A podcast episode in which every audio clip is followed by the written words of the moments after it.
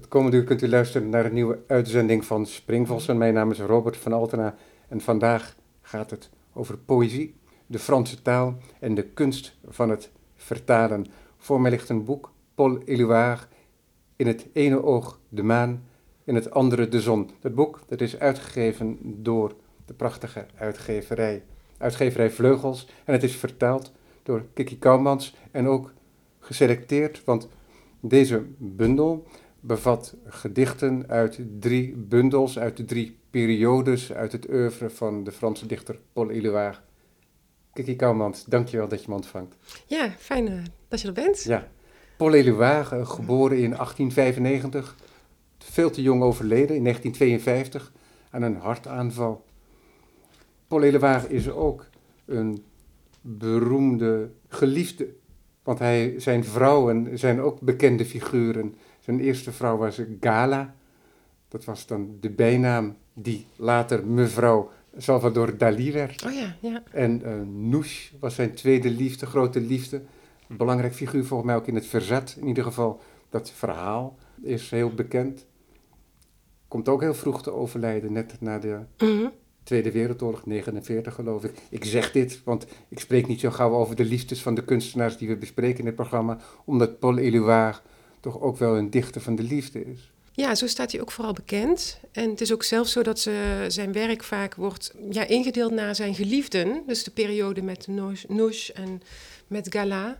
En dat is wel En. Dominique is en dan Dominique, de- de, de laatste, laatste. ja. Die, met wie hij in 1951 trouwt en in 52 overlijdt hij al. Ja, ja. Nou, het is vaak eerder andersom. Dat eh, vrouwen worden gelinkt aan een kunstenaar of Picasso, of die overigens volgens mij ook bekende was.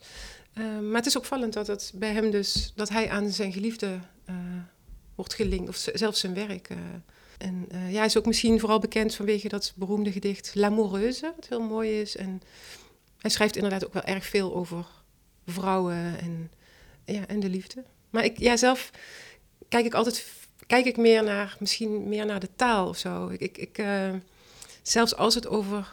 Soms heb ik niet eens door dat het over de liefde gaat. Nou ja, het wel door, maar ja, ik, mij boeit vooral de, de manier waarop de dichter met de taal omgaat en hoe die dingen oproept die dan misschien over de liefde gaan. En eh, dat, ja, dat geldt ook voor Éluard. En ook bijvoorbeeld Apollinaire heb ik hiervoor vertaald. Ehm, die is iets net iets voor hem, maar ook een surrealistische dichter. Zelfs degene die dat term heeft uitgevonden, zeg maar. En eh, ja, die was nog experimenteler met de taal. En bij Éluard zijn het vooral de, de ja, verrassende beelden en eh, toelaten van het onbewuste en het irrationele. Dat je soms niet begrijpt wat hij zegt, maar dat het prachtig klinkt of dat het iets oproept. Dat vind ik heel mooi bij Ja, want je zou, als je hem zou willen karakteriseren misschien, waardoor je ook altijd meteen de plank weer mislaat, maar is dat hij een lyrisch dichter is, Mhm. maar tegelijkertijd is het zo dat je niet zomaar mee kunt vloeien op die zinnen, Mhm. omdat hij ehm, oneigenlijke dingen met elkaar in verband brengt Ja, ehm, in, die, in die lyriek, waardoor je vaak, als je zo meeglijdt op die mooie melodische zinnen van hem, erachter komt direct dat je eigenlijk niet weet wat je gelezen hebt en dat je, Ja. weer, en dat je weer terug moet. ja, ja. Maar Misschien wel is hopelijk... dat eigen aan mijn manier van lezen van zijn werk, maar Ja. Ja, dat je, of dat je, de, ehm, ja, ik hoop dat je dan wel verrast bent of eventjes eh, opveert van, eh, ik, ik, even een voorbeeldje, vrouwen met ogen als suikerklontjes of eh, de wind die je onder je kleren een hand geeft. Ja, wat, bedoel, wat bedoelt hij daarmee? Weet ik niet, maar ja, ik ben blij dat het ooit gezegd is. Dit is dan in mijn vertaling, maar Ja. dat, ja, dat, dat, dat er soort luikjes opengaan in de werkelijkheid, waardoor je meer kan zien dan er is. Of dat hij meer ziet dan er is. Of, dat vind ik heel mooi in zijn werk. Ja. Dat hij je blik groter maakt. ja. Hey, ik wil zo meteen graag heel eh, eh, graag verder spreken over Paul Éluard, maar deze, eh, dit boek is verschenen in een serie, in een Franse serie, een Mhm. serie vertalingen van Franse letteren. Want het is niet alleen maar poëzie volgens mij. Dat is ondergebracht bij uitgeverij Vleugels. Hoe is dat tot stand gekomen? Eh, ja, dit is dus in de, dat heet de Franse reeks. En eh, ja, uitgeverij Vleugels is eigenlijk een beetje ontstaan door of iets van eh, eind 2014. Het is volgens mij een beetje in een stroomversnelling gekomen doordat eh, ik Mark ontmoeten, of eigenlijk niet ontmoeten. Ik ontdekte dat hij een boekje had uitgegeven met een vertaling van mij. Mark Vleugels. Mark Vleugels, sorry, ja, tuurlijk, ja. En toen eh, was ik eigenlijk een beetje, ja, ook wel een beetje verbolgen misschien en verrast. Of ook wel blij ver, ver- verrast. Maar, en toen eh, dacht ik van, eh, ja, hoe zit dat nou? Je kan toch niet zomaar iets uitgeven, eh, vertalen. En- Dus toen heb ik hem opgebeld, want het was toevallig ook de dag van de beschermheilige van de vertalers, Hieronymus. In september, ik weet even niet precies wanneer, 13 september of zo.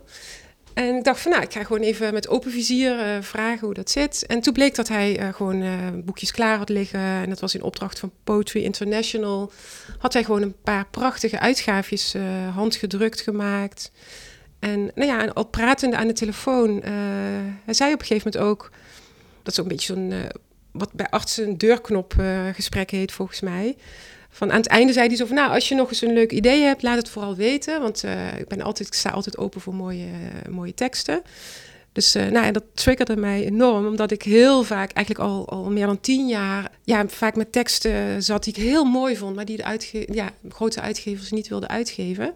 Dus ik greep mijn kans en ik stuurde meteen drie teksten op, dezelfde dag nog, van ook wel vrij, een beetje ja, afwijkende schrijvers. Nathalie Quentin, en Christophe Tarkos en Christian Auster, met wie ik al jaren aan het leuren was. En het bijzondere was dat hij toen meteen reageerde ook van... Ja, ik hoopte dus dat hij er één ding uit zou pikken. Hij zei van, nou, ik wil dat alle drie wel uitgeven. En toen dacht ik eerst van, eh, nou, wat fantastisch. En vervolgens dacht ik van, nee, dit kan niet. Dit, dit, dit moet een gek zijn of zo. Want het waren zulke obscure, moeilijke teksten eigenlijk. Moeilijk te, te verkopen ook. Maar toen eh, ja, zijn we met elkaar gaan praten... En eigenlijk vanaf toen is het volgens mij ook ja, een, soort stroomversnelling gekomen. En, en ik denk dat het zo... Ik bedoel, hij, was, hij maakte hele mooie boekjes, maar heel erg divers. eh, ook voor kunstenaars en schrijvers. En hij was volgens mij op zoek naar mooie inhoud. En ik was eigenlijk ook al jaren op zoek naar eh, een manier om de, ja, de teksten die ik mooi vond uitgebracht te krijgen. Ik heb zelfs ook gedacht, we moeten een soort ja, hoe noem je dat? Zo'n soort, uh, ja, een een soort samenwerking met andere vertalers en schrijvers, dat we zelf onze titels gaan uitbrengen. Maar ja, daar komt natuurlijk heel veel logistiek bij kijken. En weet je, je moet, ja, je moet de tekst corrigeren, je moet het uitgeven, je moet het vormgeven en, in de boekhandel zien te krijgen. Dus dat heeft me, ja, daardoor is dat nooit gelukt. Maar ik was dus heel erg blij dat ik Mark ontmoette. Die, ja, dat zou juist... zoiets als een coöperatieve Ja, dat bedoel ik. Ja, een soort coöperatie. Dat was het woord wat ik even niet kon vinden. Uh, maar ja, dit is eigenlijk, het is voor mij echt een droom. Want uh, ja, je ziet het, het ziet er altijd prachtig uit en heeft een ontzettend goede smaak. Uh, hij, hij is heel nieuwsgierig, hij is heel energiek. Dus hij is voortdurend op zoek naar, naar boeiende teksten. En ja, onze smaak uh, sluit gelukkig ook een beetje aan. Dus hij zoekt ook naar een soort spannende teksten. Niet, niet uh, puur mainstream, uh, gewoon een mooi verhaal. Het moet ook qua stijl een beetje uitdagend zijn. En nou ja, omdat we dus toen met elkaar in contact kwamen, we heel veel, in het begin heel veel ideeën uitgewisseld. Van ken je dit en ken je dat? En bijvoorbeeld zei hij van ja, Boris Vian, wat denk je daarvan? Uh, maar daar zijn bijna alle, dat is eigenlijk alle romans waren daar al van uitgegeven. Maar toevallig had maar, ik een. Lang geleden, denk ik. Ja, in de jaren 60, 70, denk ik. Maar ja, die zijn dan vertaald. Hij heeft er onlangs wel nog eentje heruitgegeven, in dezelfde vertaling. Maar bijvoorbeeld, daar had ik dan al een verhaal van in mijn la liggen, wat ik uh, heel bijzonder vond, maar waar ik ook niet van wist, ja, wat moet ik ermee? En toen liet ik dat hem lezen. En dat heeft nu geleid tot een bloemlezing, of ja, een, een, een verhalenbundel met de echt prachtigste verhalen van Boris Vian. Ook heel surrealistisch, heel fantasievol. En dit verhaal ging over een man die van het Empire State Building springt. En die vertelt wat hij ziet als hij zo langs al die ramen komt. En ook bij één raam stapt hij ook gewoon naar binnen, gaat hij even thee drinken in een, meisje dat helemaal in het geel is. Alles is in het geel. En vervolgens gaat hij weer verder. Nou ja, dat, dat soort verhalen. Weet je, dat dan, ik was al jaren gefrustreerd dat ik dat, ik dat niet nergens kwijt kon, zeg maar. En uh, nou ja, dus het was heel erg fijn om iemand tegen te komen die juist daar wel naar op zoek is. En die, ik heb ook wel veel boeken vertaald. Ja, weet je, een opdracht van wat wordt me aangeboden. Ik, ik moet ook mijn brood verdienen. En niet altijd boeken waar ik honderd, helemaal super enthousiast over was, maar wel natuurlijk altijd met liefde gedaan. En nu was het, of ja, nu is het ineens zo dat ik eigenlijk alles wat ik mooi vind, zou hij wel willen uitgeven. En het is nu bijna, ja, ik, dat er een soort file is van teksten die ik nog voor hem zal vertalen. En trouwens ook bij andere eh, vertalers die voor hem werken nu.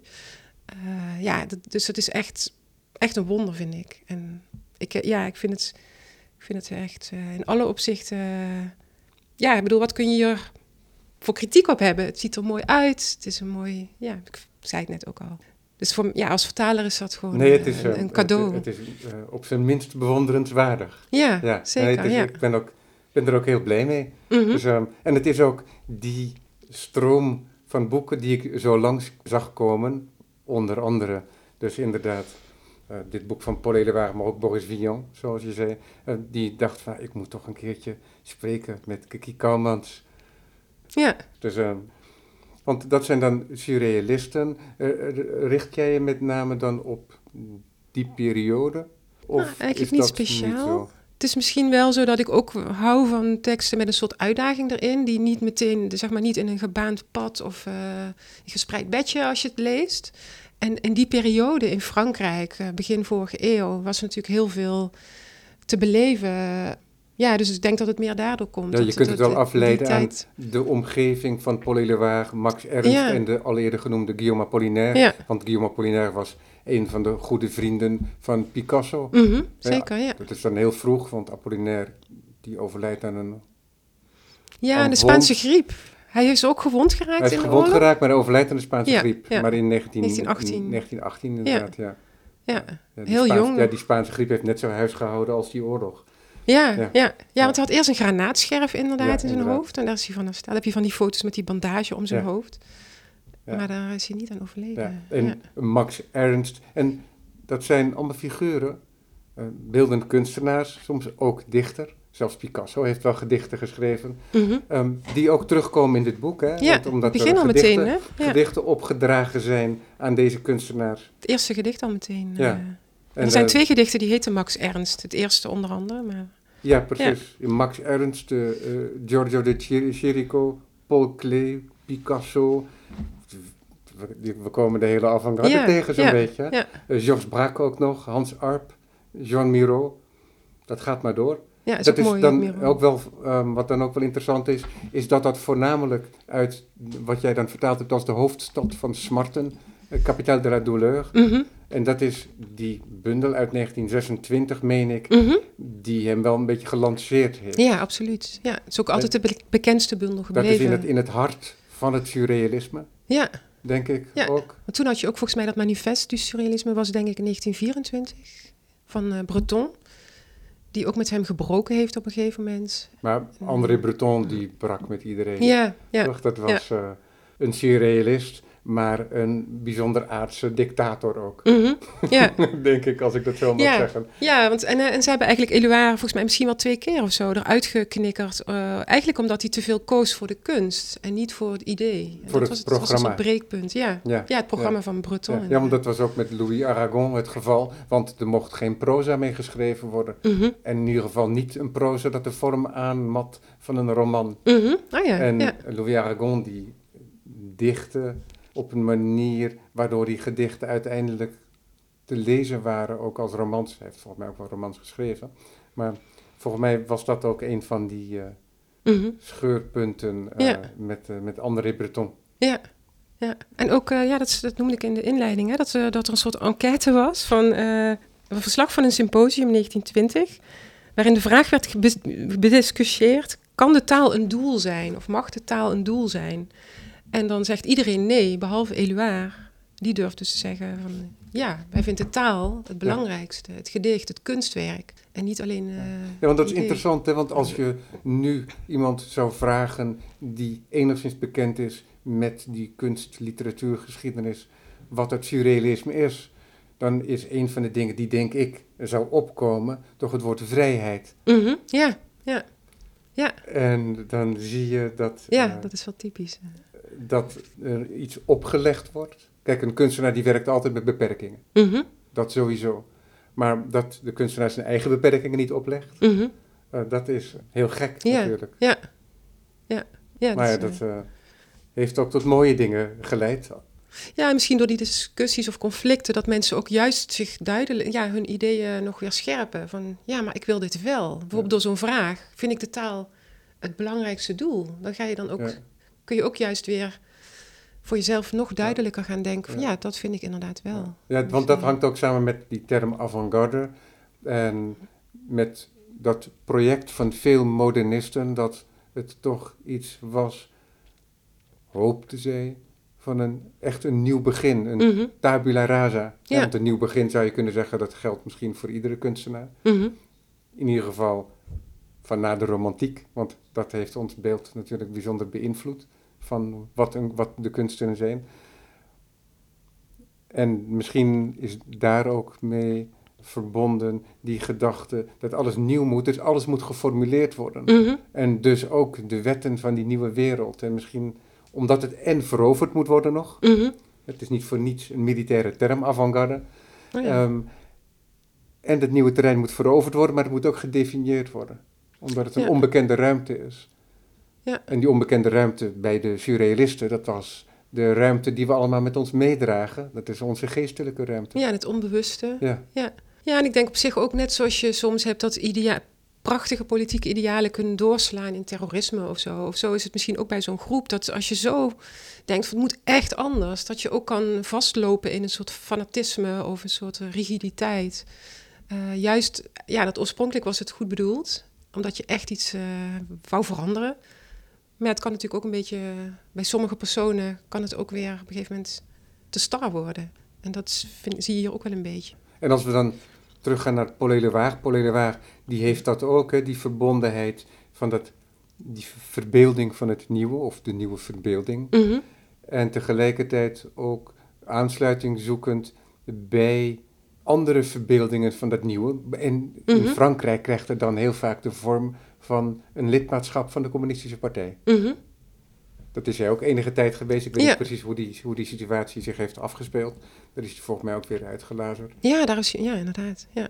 Maar Want dan moeten ze zich weer opnieuw aan nieuwe regels houden. ja, ja. Ja, ja dat, is toch, eh, dat is toch altijd heel gek. Maar goed, we gaan het niet over die politiek hebben, maar ik denk het moet toch wel genoemd worden. hij is ook zijn hele leven wel eh, politiek betrokken gebleven op, op verschillende manieren. Ja. Ja. Tot aan zijn, ook juist op latere leeftijd is hij nog veel, ja, heeft hij zijn, zijn ideeën uitgedragen. Ja, het is ook wel belangrijk, denk ik, want volgens mij heeft hij ook daadwerkelijk gevochten in de Spaanse burgeroorlog. Ja, eventjes. Hij was wel, eh, hij was ook als jong, eh, jongen heel ziek. En dus in het leger is hij volgens mij vooral ehm, juist, eh hoe heet het, infirmier, ik weet niet, even, een soort verpleegkundige geloof ik Ja. geweest. Ik weet niet of hij echt zelf... Hij komt zelfs heeft. zijn eerste vrouw komt hij tegen in een sanatorium. Ja, ja. Ja. Maar goed, dus het is niet zomaar een los engagement van eh, Nee, zeker een eh, niet. Ja. salon revolutionair. Ja, nee, nee, dat is inderdaad, eh, dat is wel mooi bij hem. Ja. Dus het is een overtuiging. Ja, hij heeft ook, misschien is dat toch ook nog wel leuk om te melden, dat hij Ja. destijds dat gedicht Liberté, dus vrijheid, Ja. heeft geschreven, dat door, door, door vliegtuigen ook verspreid is. Weet je, is echt dat hij het woord echt gebruikt om contact te maken met de gewone, met de mensen, gewoon de gewone mensen ook, en om het goede uit te dragen. Ja, verspreid tijdens de Tweede Wereldoorlog. Ja, sorry, tijdens de Tweede Wereldoorlog. Dus dat is echt zo'n dwarrelend gedicht in een stad. Dat is, dat is toch ook wel heel bijzonder. Ja, het en beeld alleen al. Ja, ja. En, en ja, dat geeft wel aan, ja, dat heel mooi het samengaan van idealen en de taal. Ja, dat, dat, dat zijn denk ik de twee pijlers geweest in zijn leven. Ja, ik weet er verder ook niet heel veel van af, hoe zich dat precies eh, allemaal heeft afgespeeld. Maar, Ja. maar dit vind ik wel heel mooi. Dus dan zijn Mark Vleugels en jij het erover eens dat het een goed idee is om gedichten van Paul Éluard te vertalen. Maar dan moet er uit dat oeuvre, hij is weliswaar niet zo oud geworden, Mhm. maar hij heeft wel een rijk oeuvre achtergelaten. Ja, enorm. dat zijn, eh, dat zijn volgens mij twee delen in de Pleiade-editie. ja, en ook flinke, dikke delen, die- duizenden die pagina's. dundruk-edities. Ja, ja. Dus hoe doe je dat? Ja, het moeilijke vond ik juist inderdaad omdat eh, we hebben eerst gedacht om ehm, dat Capital de la Douleur. Ik heb, ik heb overigens gevraagd of hij de titels van de drie bundels die nu uiteindelijk in dit boekje staan, toch in het Frans zou willen handhaven. En eigenlijk vooral ook omdat Capital de la Douleur, het is een begrip en het is eigenlijk, ik vind het eigenlijk niet bevredigend te vertalen.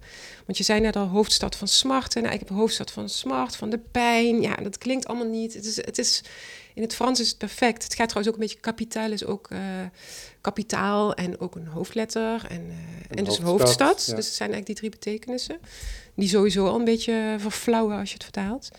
Maar in ieder geval, we hadden dus aanvankelijk dat idee. ehm, maar uiteindelijk dacht ik van ja, het is misschien ook mooi om.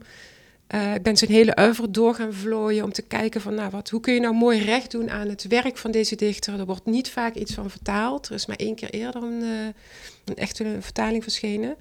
En toen ben ik, heb ik toch besloten om drie bundels met, met steeds voor ongeveer tien jaar ertussen, of in ieder geval een bepaalde periode ertussen, die ik zelf het mooist en het veelzeggend en het sprekendst vond.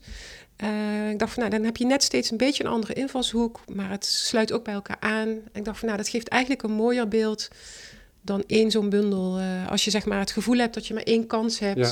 in de komende Ja. twintig jaar om iets van Eduard uit te geven. Waardoor nu ehm, drie verschillende bundels Ja, tot drie verschillende afdelingen worden in deze bundel. Ja. Die ook een zekere coherentie vertonen, omdat Ja. ze uit dezelfde periodes en dezelfde bundels komen. In die zin. Ja, nou, er, er zit dus wel steeds een tijd van tussen de acht en tien jaar tussen die drie Nee, verschillende bundels. Nee, maar ja. dan maar per, ja. per afdeling is de Ja, ja, coherentie, zeker, omdat ja. het uit Ja. één bundel komt. Ja. Zodat het niet helemaal Ja, versplintert. ja. ja, en dat was ook een beetje... Er is dus eerder een bloemlezing door Theo Veste gemaakt. En ja, ik denk dat hij ook dacht van... hoe kan ik recht doen aan het oeuvre door het zo breed mogelijk. Hij heeft dus echt uit het hele oeuvre ja, eh, gepikt. En ik vind dat toch iets te willekeurig bijna. Omdat het... Ja, ik bedoel, fijn dat dat boek er is. Maar ik, ik dacht, het is mooi om het ietsje steviger te maken... door, door mensen echt in een afdeling te laten komen. En ja, waardoor je niet zo fladdert, zeg maar, Ja. van, van het ene bloempje naar het andere. Het is opmerkelijk dat hij eigenlijk zo weinig vertaald is geweest Ja. in het Nederlands. Ja, Want in Frankrijk is het toch een van de grote dichters. ja, Ook getoonzet. Ja, maar ja, dat geldt eigenlijk nog meer als ik even een bruggetje weer mag maken naar Jazeker. Apollinaire. Dat vind ik eigenlijk nog veel verbazender bij Apollinaire, die toch echt nog veel baanbrekender is geweest. Ja. Helemaal in zijn eentje, eh, ja, ook met de typografie en zo eh, heel veel geëxperimenteerd heeft. Ja, en daar was eigenlijk, van Eluard was dan nog wel eh, een bundel of een boekje in vertaling, maar van Apollinaire is eigenlijk, er bestond nog geen bloemlezing uit zijn... Ja, bestond trouwens wel één, moet ik niet zeggen. Ja, nee, dus dat is ook niet helemaal waar. Maar dat was dan de enige. Dat vind ik ook vrij eh, vreemd. Want het is 100 jaar oud, dit werk nu, precies. Of toen het verscheen, in 2018. Ja, en het is zo'n beeldende, krachtige poëzie. En ook heel simpel soms verwoord, maar zo, ja, je kan het niet nadoen. En heel, ja, heel energiek. Ja. En daar vond ik het nog vreemder van. En dat is trouwens, vind ik trouwens ook wel weer de verdienste van Mark Vleugels. Dat ik eigenlijk durfde ik het niet aan om dat te vertalen. En zeker niet het hele beroemde openingsgedicht van Alcohol, zijn bundel uit 1912, Zone. Dat is overigens wel al een paar keer door eh, ook echt goede gerenommeerde vertalers vertaald. Paul Ja. Klaas. En ik, had, ik was er eigenlijk al elf jaar mee, aan, mee bezig, omdat ik het zo'n mooie tekst vond. En daar eigenlijk ja, het graag wilde vertalen, gewoon alleen al voor mezelf. En dat ziet er ook weer prachtig uit natuurlijk. Ja, heel kleurrijk, heel Ja. krachtig. Ja. Zoals de, ook de kunst van die tijd, waar hij zich dus ook veel weet, wat, weet je wat interessant is? Ehm, de titel is Het raam gaat open als een sinaasappel. Dat is een zinsnede uit een van zijn gedichten. inspireren. Er is ook een hele beroemde zin van Paul Éluard. Dat is volgens mij eh, Le ciel bleu comme une orange. Comme une orange. Ja, la terre est Het- bleue comme une orange. Oh, dat is de dat is aarde. het, ja, is ook een ja. bol. Precies. Ja. En er is ook een, dat is geen gedicht, maar het is een proza-stukje van Piet Mondriaan. En dat beschrijft hij in, eh, dat is in Frankrijk, in Parijs. En dan daar richt hij zich helemaal op de sinaasappel. Oh ja, Ja. En maar dat vind ik heel... eh, en, ja. en hij brengt dat volgens mij ook in verband met de schaarste, volgens mij, na die Eerste Wereldoorlog. Oh, Dus misschien... van exotisch fruit. Ja, dus misschien speelt dat, speelt, laten we zeggen, een soort alledaagse werkelijkheid. Mhm. Daarin ook wel een hele grote rol in die verbeelding bij Ja. Mondriaan, Guillaume Apollinaire, Ja. in dezelfde periode. Ja. En eh, bij Paul Éluard dus. Ja, ik vond het zo grappig. Zomaar een observatie, maar Ja, het is ook wel zo dat het Franse woord voor sinaasappel, dat is voor mij als vertaler best wel frustrerend. Eh, dat is dus orange. Ja. En eh, dat is een kleur. Ja, en dat is een eh, felle kleur. op je object, vrucht en kleur vallen Ja. samen. Ja, en in de vertaling valt de, het oranje valt eigenlijk weg, want je noemt het een sinaasappel. Maar iedereen ziet het wel voor zich. Maar dat is misschien ook waarom het dankbaar is voor dichters, omdat het ook veel, ja, eigenlijk meer betekenis heeft. En ehm, ja, wat zei ik nou net over die eh, Apollinaire. En, maar dan nog eventjes, Oh ja. bij, bij Ja. Mondriaan is het dan, dan beschrijft hij die sinaasappel en dan zegt hij, ja, oranje van buiten, oranje van binnen. Mhm. Oh, Hij ja. als schilder is natuurlijk met die kleuren bezig, maar dat is dan dat de verpakking en het, ja. datgene wat erin zit dan ook de gelijke kleuren. Ja. ja, het past ook helemaal bij die, ja, die kunstenaars, vind ik. Bij die modernistische kunst, toch? Zo'n sinaasappel, die, die, die intensiteit van kleur. Ze werkte wel veel met primaire kleuren eigenlijk, ook Mondriaan. Maar toch vind ik de sinaasappel, of de- ja, de, die kleurvermelding en bolvorm, is een abstracte vorm. Het is een, rond, een cirkel. Het op de een of andere manier klopt het wel, eh, vind ik. Het gaat over kunst. Ehm, Ja, want bij Apollinaire is het dan ook nog zo dat Apollinaire in direct contact staat met kunstenaars. Dat zijn Mhm. zijn beste vrienden, Ja, ja. wat ik al zei. Ja, hij heeft ook dat gedicht eh, Vensters. Daar beschrijft hij eigenlijk het atelier van, eh, ik denk allebei de Delaunay's. Eh hoe heet ze ook alweer? Eh, Sonja en Robert ja, Delaunay. Robert en Sonja. En eh, daar is ook heel veel kleur in. ja, dat is een prachtig gedicht. Ja, dat werk is inderdaad ook letterlijk heel kleurrijk. Ja, van ja en hij beschrijft ook veel geel Delaunay. en rood. Ja. Dus de, de kleuren die veel in die schilderijen voorkomen. Het heeft voor mij heel veel waarde, Ja. dit boek. En ik zei dus eigenlijk nog dat, dat ik het fijn vind dat Mark Vleugels mij heeft ge- aangemoedigd om dat toch gewoon te doen. En niet alleen maar in mijn laadje en Ja. Af en toe. eh Zou je een gedicht willen voorlezen van Paul Elewaag? Eh, in ja, vertaling? even kijken. Die keuze laat ik aan jou. Ja, misschien die eerste. Ik twijfel een beetje tussen dat beroemde gedicht, L'amoureuse, de verliefde, of... eh, ik vind, dan vind ik alles weer mooi als ik het zo, als ik het zo zie. Je hebt niet een gedicht dat jou is Nou, er waren verschillende stukken, want ik dacht, jij kiest waarschijnlijk echt een gedicht. Er zijn van die proza-passages, maar dat is zo Het is een lang. beetje lang, ja. Dat is zo lang natuurlijk, maar die zijn ook heel erg mooi. Dat van Picasso is ook wel mooi.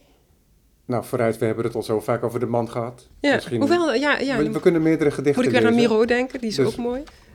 Misschien even die van Miro eerst, ook heel erg... eh, Ja, dus Juan Miro. Prooizon, gevangene van mijn hoofd. Haal de heuvel weg, haal het bos weg. De lucht is mooier dan ooit. De libellen op de druiven, geef hem wel omlijnde vormen, die ik in één gebaar verjaag. Wolken van de eerste dag, ongevoelige en onbevoegde wolken. Hun zaden branden in het stroovuur van mijn blikken. Om zich tenslotte in een dageraad te hullen, moet de lucht zo zuiver zijn als de nacht. Ik denk nu dat ik trouwens eigenlijk een ander gedicht in mijn hoofd had, van Paul Klee. Maar goed, Lees die zijn, dan ook. ja, tuurlijk. niet zo gauw nee, vinden. maar we spreken hier over poëzie. Eh, dus dan mogen we toch op zijn minst nog wat poëzie Oh ja, aan horen hier. brengen. Nee, dat is hem ook weer niet. Nee, ik haal ze een beetje door elkaar. Ja. Nou, die, die, die Picasso dan nog even. Het heet gewoon Pablo Picasso. De wapens van de slaap hebben in de nacht prachtige voren getrokken, die onze hoofden scheiden. Door een diamant gezien is iedere medaille vals. Onder de stralende hemel is de aarde onzichtbaar. Het gezicht van het hart heeft zijn kleuren verloren, en de zon zoekt ons en de sneeuw is blind. Als we haar verlaten, krijgt de horizon vleugels. En onze blikken in de verte verjagen de fouten. Je ziet hier dus ook die, ja, die vermenging van abstract en concreet. Hè? Onze blikken verjagen de fouten. En eh, wat hij ook heel veel doet, hij schrijft heel veel eigenlijk over de open ruimte. Dus buiten. Dus een horizon, bergen vaak en bossen. Het is eigenlijk een heel aardse dichter die heel verbonden, zich verbonden voelt met de aarde en de schoonheid en de elementen. Ja, want wat eh, je ook wel eh, hebt, is dat er bijvoorbeeld heel erg juist een soort stedelijk futurisme wordt gekozen, maar dat doet hij Mhm. helemaal niet. Je bedoelt eh, dat dichters dat doen of Ja, dichters. Ja, ja. Ja. Nee, Ja. maar Elewaar helemaal niet. Nee, nee dat, is, dat doet Ap- Apollinaire dan weer meer. Hij beschrijft in dat gedicht Zone, dat is een soort dooltocht door Parijs, eh, volgens mij van één dag. En dan beschrijft hij alles wat er voorbij komt, eh, alle indrukken in zo'n stad, wat ook toen heel nieuw was, met al die teksten overal van, van producten. Ja. En, en, eh, Ja, wat we eigenlijk ook nog terug zien komen bij Willem Frederik Hermans. In zijn ja. romans dat hij van die, dat die North State Oh, sigaretten, ja. dat hij zo'n reclame Reclames, ziet. En dat Ja. laat hij dan ook typografisch weergeven in het boek. Mhm. Oh, dat, is me, dat heb ik nooit gezien. Maar, eh, ja, Ja, dat, zie is dus, ja. dat is dus in de, de donkere kamer van Damocles, denk ik. Mhm. Oh, dat moet ik wel hebben gezien dan. Maar dat is heel lang geleden Ja. dat ik dat gelezen heb. Maar ik zie bijvoorbeeld, als ik hier even nog drie zinnetjes van... Dit is dus Apollinaire. Affiches en plakaten schreeuwen als papegaaien. Ik hou van de industriële elegantie van dat straatje. Tussen de Rue Aumont-Thierville en de Avenue des Ternes. Dus je, je ziet echt gewoon zo'n zo'n zo'n snapshot uh, van de beweeglijkheid in de stad. De, de mensen die naar hun werk gaan. Uh, naar de fabrieken en uh, het geluid en de teksten. Ja. Dus dat is inderdaad Ja. een hele andere kant van, nou ja, niet dezelfde tijd, maar ook weer niet heel erg verschillende tijd. Dus er misschien tien jaar tussen. Dan klinkt dit dus eigenlijk uh, moderner, hè, Apollinaire, die dus ouder is. Dan zie je ook aan hoe sterk zijn drang was tot vernieuwing. Terwijl Eluard meer, uh, ook meer oude versvormen integreerde. Dat deed Apollinaire trouwens ook wel. Maar bij Eluard heb je meer het gevoel dat het een individu is dat zichzelf wil uitdrukken op zijn manier.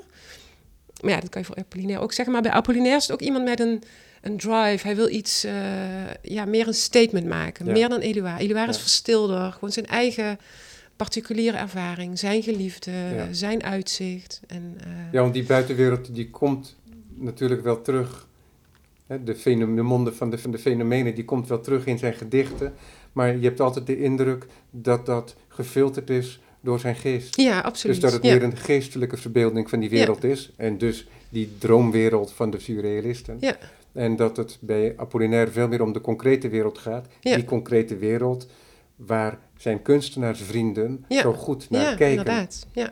ja, gewoon hoe het voordat het binnenkomt eigenlijk. Ja. Dus niet nadat het door je hersenen is gegaan, gewoon het, ja, de, de sterk, de kracht van het visuele bijvoorbeeld. Hè? Van de, eh, bijna ook, ja, zoals de mensen in die tijd de abstracte schilderijen maakten, of cubistische schilderijen, gewoon inderdaad die dingen samenvoegen.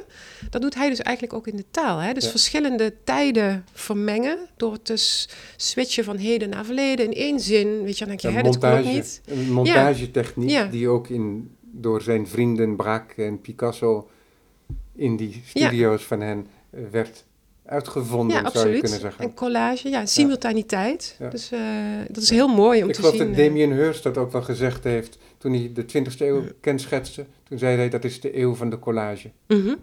En dat is misschien ook wel zo. Ja, Ook als je bedenkt dat de film daarin groot is geworden. Ja. En dat is toch ook een vorm van Ja. collage. En terwijl jij dat gedicht voorlas, het laatste gedicht voorlas, zag ik dus in die bundel van Elevaar, dat sla ik dan toevallig open, je sinaasappelhaar in de leegte van de wereld. ik zag hem ook net toevallig. En toen dacht ik ook weer, weer een sinaasappel. Ja. Ja. ja. mooi. En dat is, Mooi beeld. En dat is dan ook nog altijd uit de stad de Smarten, dus Capitale de la Douleur. Dat is dan midden in het surrealistisch geraas. Mhm. Ja. Is het misschien een, een goed idee om uit zijn laatste bundel ook een gedicht voor te lezen? ja, zeker. Kijken. Daar zitten ook wat langere gedichten bij ja, natuurlijk. veel langer, maar- ja. ja. Even kijken. Het zijn eigenlijk, eh, zie ik nu pas dat ze het eigenlijk vooral langere gedichten zijn. Maar wat misschien heel mooi is, is dat, eh dat gekke kerkhof. Dat is wel heel Ja. bijzonder. Dat was in de, in de Tweede Wereldoorlog moest hij eh, schuilen eigenlijk. Of onderduiken. En toen, dat was dus een, ja, een, een psychiatrisch ziekenhuis.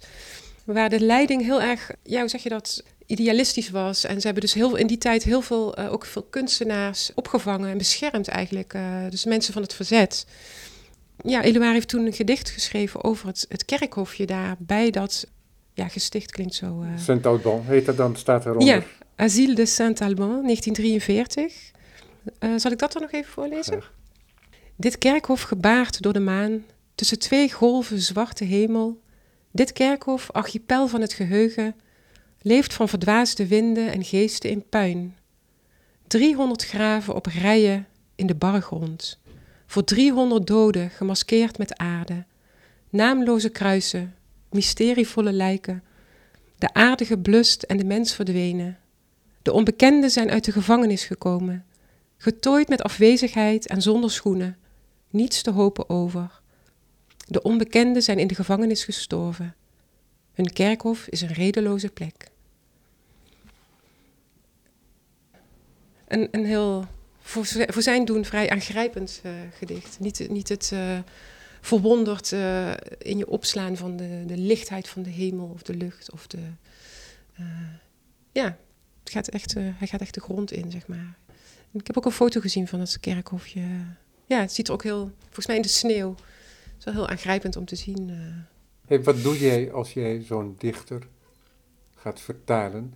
Maak je dan een heel onderzoek ook meteen van hoe hij door het leven ging? En...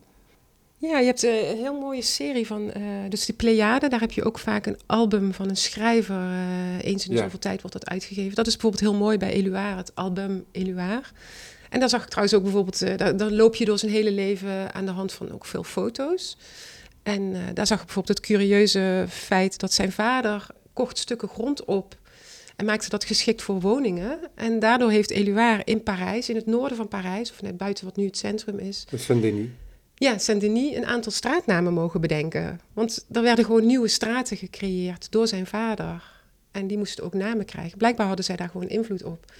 Dus er zijn ook een paar namen van, van vrij eh, eh, ja, surrealistische schrijvers die vrij onbekend waren toen. Maar die bestaan dus dankzij Éluard. En dit zijn dan de grappige feitjes die je tegenkomt als je je verdiept in het leven van, eh, van die schrijvers. eh. Ja. ja, want Saint-Denis was toen een stadje eigenlijk boven Parijs. ja, ja. En nu is dat helemaal... En niet eens een stadje, denk ik. Ja, Ja, klein, ja. Ja. maar in, En, in het Frans zou je dat toch een ville noemen. En dan, dat is altijd een beetje ambivalent. Ja, ja Wat, cité wat, heb je wat, ook nog. wat ja. dan in het Nederlands wordt. Ja. Maar inmiddels is dat ja, ja, bevolkt met beton. ja, al die hoge... Ik heb nog even gewoond in Saint-Denis, dus Oh, ja? ik, eh, ik heb erop uitgekeken. ja. ja, daar was ook een... eh, volgens mij gaf Foucault daar ook les in, aan de Ja, universiteit. dat eh, klopt. ja. Foucault en eh, Jean-François Lyotard, die heeft er Ja. volgens mij zijn, Zelfs de zijn, jaren- zijn Le Différent geschreven. Ja. Zijn, zijn grote filosofieboek, zoals hij dat noemde. Mhm. Ja, want Ja. Lyotard, wanneer is die gestopt? Ik kan me mee met herinneren dat tijd, ja, leeftijdsgenoten van mij ook nog echt bij hem... want ik heb zelf ook een jaar in Parijs gestudeerd. Ja. En daar had je dus ook gewoon die grootheden die je af kon gaan. Ik ging met een groepje Noorse literatuurstudenten, studeerde bij Frans. En omdat de Franse studenten best wel eh, gesloten waren naar buitenlanders, zochten we veel contact met elkaar. En dus ik had, ik had les bij Julia Kristeva en bij Derrida ben ik nog colleges gaan volgen. Maar daar kon ik Maar echt Julia. Kristeva en haar man Philippe Soler, die goede Ja. vrienden waren met de Roland Barthes. Ja, Een naam die de meeste mensen wel kunnen kennen, ook als ze niet met literatuurwetenschappen bezig zijn. ja. Ja. Ja, en ehm, ja, ik, ik weet de namen nu even niet, maar er werden, werden ook gewoon van die gastcolleges in de stad. En dan ging je dan even heen naar Baudrillard of, eh, eh, ja, of een Yves Bonnefoy. En Ja. Umberto Eco gaf Ja. een... En een Yves Bonnefoy, die hoor ik nog wel eens. Ja, Ja. ja, die is heel oud geworden. Hij is nu overleden. Ja. Maar wat bij Umberto Eco wel grappig was, was trouwens zo'n grote toeloop dat ze een videoscherm moesten maken voor de mensen die niet in de zaal konden. Het was gewoon één college ergens. Dat ging over eh, porno en tijdsverloop. En zijn stelling was dat in pornofilms veel te vaak in real time wordt gefilmd. Dus niet zozeer de pornoscènes, maar gewoon je ziet iemand rijden door een, bos, door een eh, berg naar een vrouw die bij een Ja. zwembad zit of zoiets. Daar, daar ging zijn eh, college dan over. Heel toegankelijk eigenlijk. Ja, en Philippe Solers, dat is eigenlijk mijn eerste eh, vertaling geweest. Omdat ik een college in Parijs volgde van een docent. Die had het eigenlijk vooral over James Joyce. Maar ging ook over een boekje van Philippe Solers praten. En dat vond ik toen zo intrigerend. Dat was zo'n nouveau roman boekje, vrij klein. Zo ben ik eigenlijk begonnen met vertalen. Omdat ik die tekst zo intrigerend vond. Puur een beschrijving van iemand zit voor zijn raam en beschrijft wat hij aan de overkant ziet. Iemand loopt door een kamer. eh, en ik dacht van, wat, wat is het nou waarom mij dat boeit? Dat dat gewoon beschreven wordt. En toen ben ik dat zelf op mijn kamertje in Parijs gaan vertalen. En dan de, de volgende ochtend weer eens kijken van, hoe klinkt het nu? En dan weer een beetje eraan peuteren. En eh, dat is uiteindelijk de eerste vertaling ook geweest die uitgegeven is bij, eh, bij Perdu. Ja, dat is wel een dierbaar boekje voor mij. Omdat Ja. ik dat heel... Ja. Ja. dan ben je nog zo onbevangen eh, met zo'n tekst. Proberen om dat goed weer te geven. Ja, dat is interessant ook, hè, dat je dat idee van het eenvoudig beschrijven, dat heeft in die 20e eeuw heel veel aandacht gekregen. mhm, Dus dat je inderdaad in woorden vat wat je kunt zien of waardoor we omringd mhm. zijn. Bijvoorbeeld, in plaats van wat er alleen maar in ons hoofd afspeelt. Je hebt beide zijden natuurlijk, je noemde James Joyce al, Mhm. waarin heel veel innerlijke dialogen, monologen eh, in het werk zijn opgenomen. Maar dat het eenvoudige beschrijven, hoeveel kanten dat uit kan gaan. Volgens mij Ja. zit het ook in La Nausée van Sartre. Mhm, Dat zo'n figuur probeert om dat de wereld uitputtend te beschrijven. mhm. Ja. Ja, en het grappige is En, dat... en die, de nouveau eh, romancier na de Tweede Wereldoorlog, die hebben dat toch ook als ideaal om alleen maar een soort objectieve wereld Ja. te beschrijven zonder psychologisering. Dus Ja, terwijl ze eigenlijk ook, er ook van uitgaan dat de taal niet toereikend is hè, Ja. om de wereld weer te geven. Dat is het, want dit was dus ook een nouveau roman boekje. En ja, ik heb nu een boek van Blanchot vertaald, dat ook wel een nouveau roman eh, kunt noemen. Dat vind ik eigenlijk een soort rare paradox van die nouveau romancier. Want ze, aan de ene kant beschrijven zij heel veel tastbare werkelijkheid. En van de andere kant het eigenlijk in twijfel of je de werkelijkheid wel kunt beschrijven. En Ja. eh, nou, bij Blanchot wil ik, daar, daar hoeven we nu niet helemaal op in te gaan, maar daar is het typische dat het zo ver doorgevoerd zo ver doorgedreven is, dat het bijna alleen nog maar beschrijving is. En het is het raarste boek dat ik ooit heb Ja, vertaald. en die beschrijving die zo verbonden is met die wereld, Mhm. eh, dat dat verband helemaal uit elkaar valt en dat het alleen maar een wereld van woorden wordt nog. Ja, ja, Omdat het referentiële bijna lijkt weg te ja, vallen. precies. Ja, en dat is heel raar. En ik, ik vind het ook weer heel bijzonder dat, eh, dat, dat, ja, dat, het, dat hij dat deed als schrijver en dat, dat Vleugels het ook uitgeeft in vertaling. Want het is niet echt het eh, meest toegankelijke boek. Maar ja, voor mij als vertaler was dat ook heel vreemd, omdat je dus weinig houvast hebt. Normaal heb je een houvast in de wereld. Een schrijver schrijft over de wereld. En je kunt altijd weer teruggaan. eh, dat heeft ook Yves Bonnefoy ooit tegen mij gezegd. Ik heb hem ook ooit vertaald. Van je, hoeft, je, hoeft, je moet niet in paniek raken. Je kan altijd, je kunt altijd woorden vinden voor wat een schrijver wil zeggen. Alleen in dit geval bij Blanchot weet ik soms niet wat hij wil zeggen. Want waar zijn, weet je, je weet niet waar zijn we, hoeveel tijd is er verstreken, welke personen zijn hier, wat voor ruimte. Dus het is net alsof je in een donkere kamer zit en, en moet beschrijven wat je ziet. Dus dat was heel, eh, hele bizarre ervaring. En ik, zag dat Lydia Davis, die korte verhalenschrijfster, eh, die heeft het boek ook vertaald. En ik, ja, ik heb wel echt af en toe even gekeken bij haar. Van, zit ik er nou helemaal naast? Of heb ik het goed gezien? En ja, ik vond het wel fijn om te merken dat mijn vertaling vaak best wel synchroon liep met de haren. Dus dat, nou ja, dat vind ik wel geruststellend. Maar het was een hele, hele vreemde ervaring, vervreemdende ervaring. Dat ik zelf ook niet meer wist van, ja, wat doet taal nou eigenlijk? Ja, waarbij dat bekende motto traduttore, traditore Mhm. naar voren komt. Hè? Dus de, de vertaler is eigenlijk ook altijd een verrader. In Ja, die zin, je doet het ook voortleven natuurlijk, maar je ehm, kunt ook zeggen, je doet het eigenlijk altijd juist als je het een goede trouw doet. Ja, want ik, ik, ik, ja, ik ken de uitspraak en ik snap de uitspraak. En toch voel ik me niet... Ik, ja, ik voel me bijna nooit een verrader. Omdat ik zo mijn best aan het doen ben. De hele dag door. Iedere dag. Dag in, dag uit. Zit ik in die boeken. En eh, ja, vol toewijding... eh, althans te proberen recht te doen. Dus het voelt niet alsof ik een eh, cheater ben Ja. of zo. Is jouw vertaalopvatting veranderd in de loop der jaren?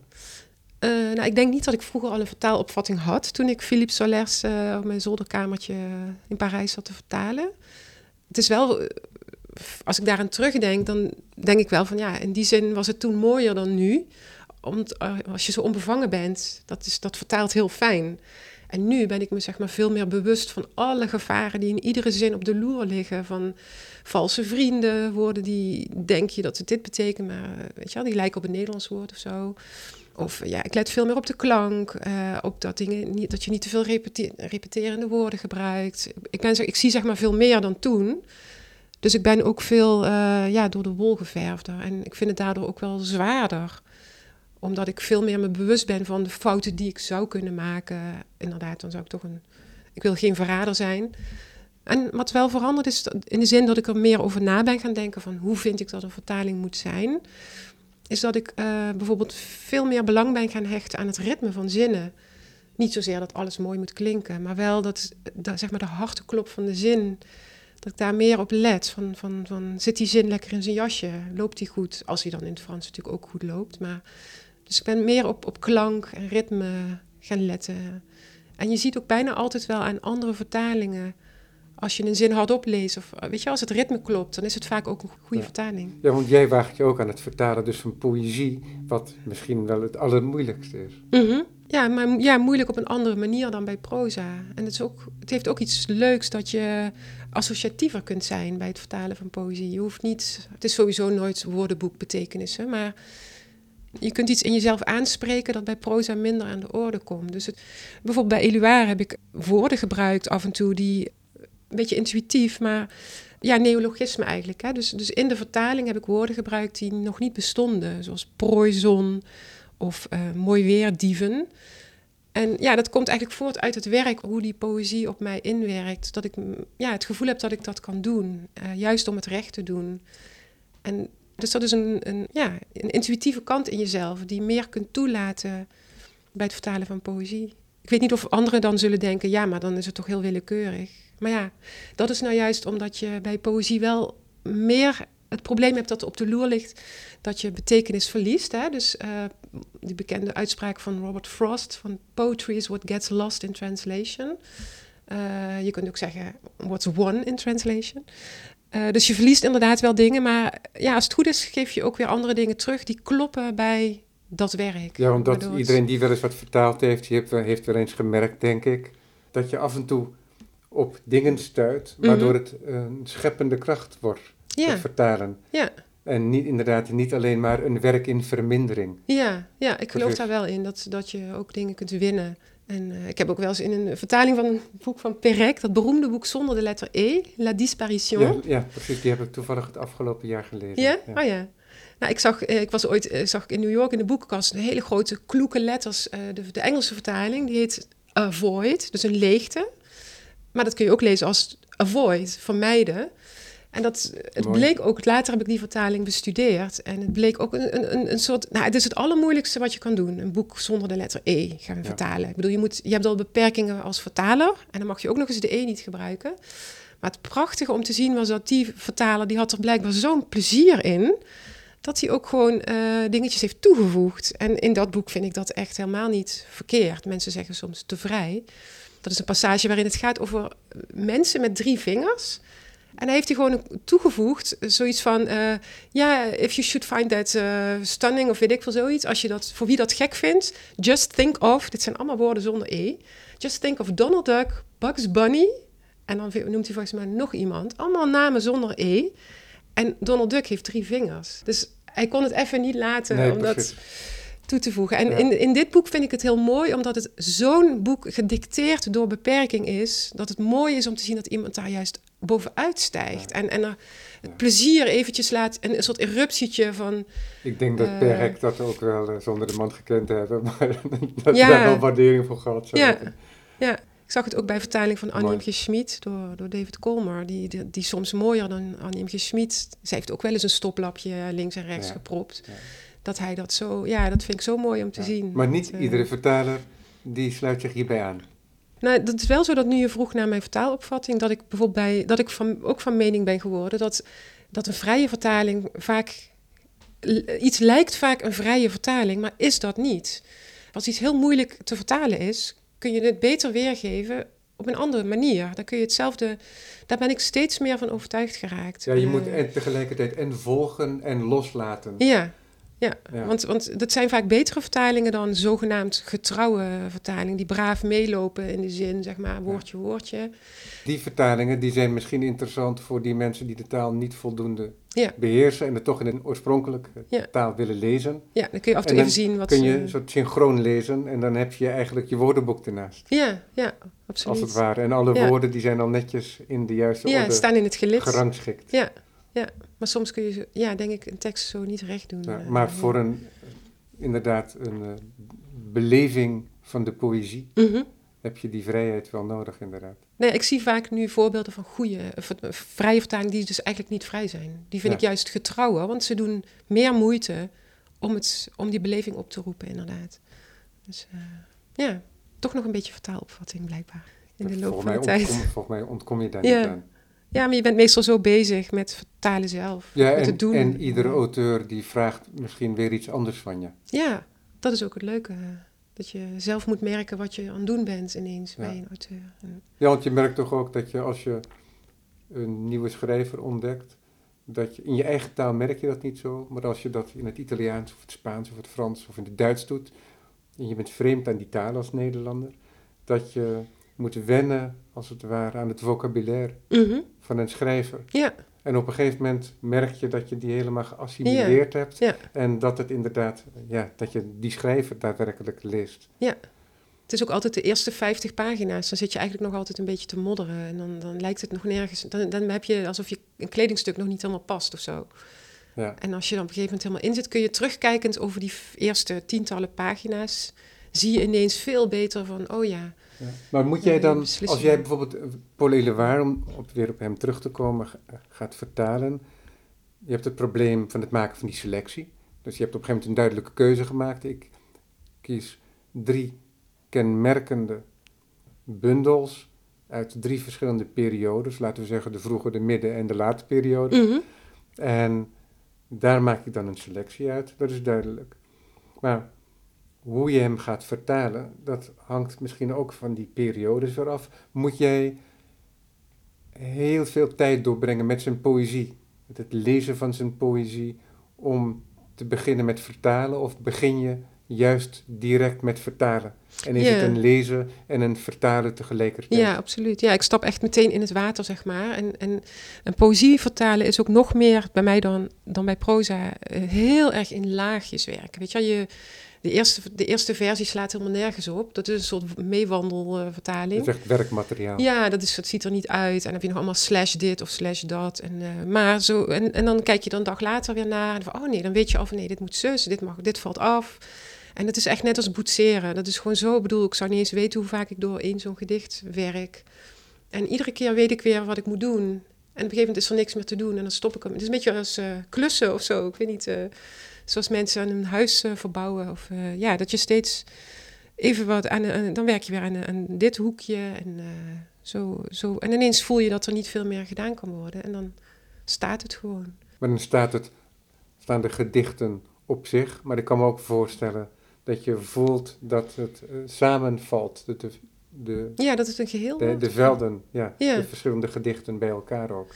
Ja, ik ben niet zo sterk in overzicht vaak. Maar ja, dat is eigenlijk pas in een heel laat stadium dat ik, dat ik me daarvan bewust ben. Dat Ja, maar dat is, ja, dat is denk ja. ik ook eigen aan dat krijgen van het Ja, overzicht. Daarvoor moet je toch eerst eh, het geheel maken. Ja, het is ook zo dat een aantal gedichten alsnog afvallen. Hè. Je kan wel denken van, nou, ik doe deze. En dan, en dan zit je bij sommige gedichten, merk je van, nou, dit, dit, dit loopt gewoon zo niet goed. En dan op een gegeven moment moet je het ook gewoon maar loslaten. En dan is dit gewoon niet het moment en ik ben dan niet de persoon om dat gedicht te vertalen. En eh, of, ja, weet je, je blijft maar bezig en je ziet dat het niet helemaal sterk op zijn pootjes staat. En dan, ja, dan laat ik dat gewoon los, want dan, ja, not meant to be of zo. En dan ja. hebben we nu inderdaad al die prachtige bundels liggen hier. Maurice Blanchot, Paul Éluard en dus Guillaume Apollinaire. Wat heb jij nu op je werktafel liggen? Ja, dat is een, ook weer een heel bijzonder eh, project. Dat is eh, Journal du Voleur, dagboek van een dief, van eh, Jean Genet. En dat is ook Dat fascinerend. sloeg in als een bom toen dat uitkwam. Ja, dat, ja. Volgens mij dat was, zal dat, wel, eh, ja. was dat eh, zeer geruchtmakend. Nou ja, het is zelfs al door Gallimard destijds geprobeerd om te voorkomen dat het in zou slaan als een bom. Want hij heeft eigenlijk Genet voor publicatie, voor publicatie ja, op het hart gedrukt dat het gecensureerd moest worden, omdat het anders meteen verboden zou zijn. Dus helaas heeft hij heel veel passages, ja, er- ja, expliciete per- homoseksuele passages, homoerotisch. En het gekke is dat ik onder het vertalen ontdekte dat de Engelse vertaling gebaseerd is op eigenlijk een illegale versie, waar die, die wel origineel is. Dus het bestaat wel, iedereen kan er kennis van nemen. Dus de, de Frans, want ik zie hier geen oud deeltje liggen, maar het is een vrij nieuwe editie die je hier hebt, maar die is nog altijd gecensureerd. Ja, nee, ik gebruik gewoon de, de, de uitgave uit 1949. Hè. Hij was toen, eh, ja, toen was hij net, had net, eh, hoe heet dat, eh, gratie gekregen. Hij zou eigenlijk voorgoed de gevangenis in moeten, maar door, door Cocteau, Sartre en zo, die hebben toen een petitie geschreven, waardoor hij gered is eigenlijk van de levenslange gevangenisstraf. Ja, dus in 49, dat, dat is de versie die wij nu nog... De, de, nou, de Fransen lezen dus eigenlijk de gekuiste versie. En de Amerikanen en de Engelsen lezen de niet gekuiste versie. En daar staat in copyright 1959, 1949 Gallimard. Maar dat klopt eigenlijk niet. En ik heb een exemplaar van die... eh, er zijn Ongelooflijk. 400 eh, exemplaren gedrukt nog van die illegale versie. In Oh ja, Zwitserland echt een gedrukt. monumentaal deel hier Ja, achter jou in de boekenkast. Ja, er zijn er 440 op de hele wereld. En ja, dat is de enige, het enige exemplaar, of de enige versie waar... het- Ja, de oorspronkelijke versie. Ja, waar dus... Maar is De- dit ook die editie of is dit Ja. een facsimile? Nee, dit is de echte, ja. Heeft ook heel veel geld gekost. Maar ja, ik, ik wou hem zo graag... Je ziet ook hoe mooi het eruit ziet, hè? Het is een, Nou, die, die, als, Een als je me die zo meteen wil laten Ja, zien, dan, ja. dan heel Hij is ook graag. gesigneerd door Jeannette trouwens. Ach, ook wel leuk. mooi. En eh, ja, hij, hij, is, hij was tussen de 800 Maar, en maar 1000 die euro's. editie werd op die manier gedacht ook. Of was dat al duidelijk dat dat een bijzondere editie Ja. zou zijn? Ja, want de, de, de naam van de uitgever is Au dépens d'un ami. Dat betekent op kosten van een vriend. Ja, ja.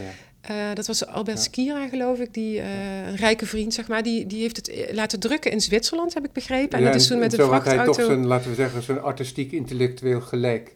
Ja, en dit is voor, voor het echte boek. Ja, dus dit was er al. En daarna heeft Gallimard blijkbaar toch willen uitgeven, maar niet op deze Ja. manier. Maar ik heb geprobeerd om bij de uitgever te horen van... Weten jullie wel zeker dat ik, het, dat ik mijn vertaling moet baseren op die gekuiste versie? Is het niet inmiddels tijd voor een, eh, de ori- originele versie? Dat lijkt me wel Is het- is het publiek daar niet rijp voor? van de afgelopen jaren. Ja, en eh, nou ja, het gekke is dat eh, dat is heel ingewikkeld met de erfgenamen. Genet had geen ouders en geen kinderen. En, en zijn erfgenaam is overleden. En volgens mij was iemand bij Gallimard ook nog een soort beheerder, executeur testamentair of zo. Maar die is ook overleden. In ieder geval gaat men er nu blijkbaar van uit, ook wetenschappers, eh, dat het toch de, de beslissing van Genet is, die nieuwe versie. Omdat hij ook nog andere dingen heeft aangepast. Hij heeft ook nog een paar dingen uit eigen beweging geschrapt of toegevoegd. Ja, zo krijgen Eh. wij als lezer, luisteraar ook weer een inkijkje in de problematiek van zo'n tekst. Dat is ook weer een hele wetenschap op zich, hoe je de juiste tekst samenstelt. Ja, Ja, ja, maar ik, goed, eh, ja. dat is een, weer een heel ander gesprek. ja, Wij ja. zijn eigenlijk nog lang niet uitgesproken, maar wij zijn wel aan het einde van het uur. Mhm. Kiki Kalmans, dankjewel voor je prachtige vertalingen en dankjewel voor het gesprek. ja, dankjewel.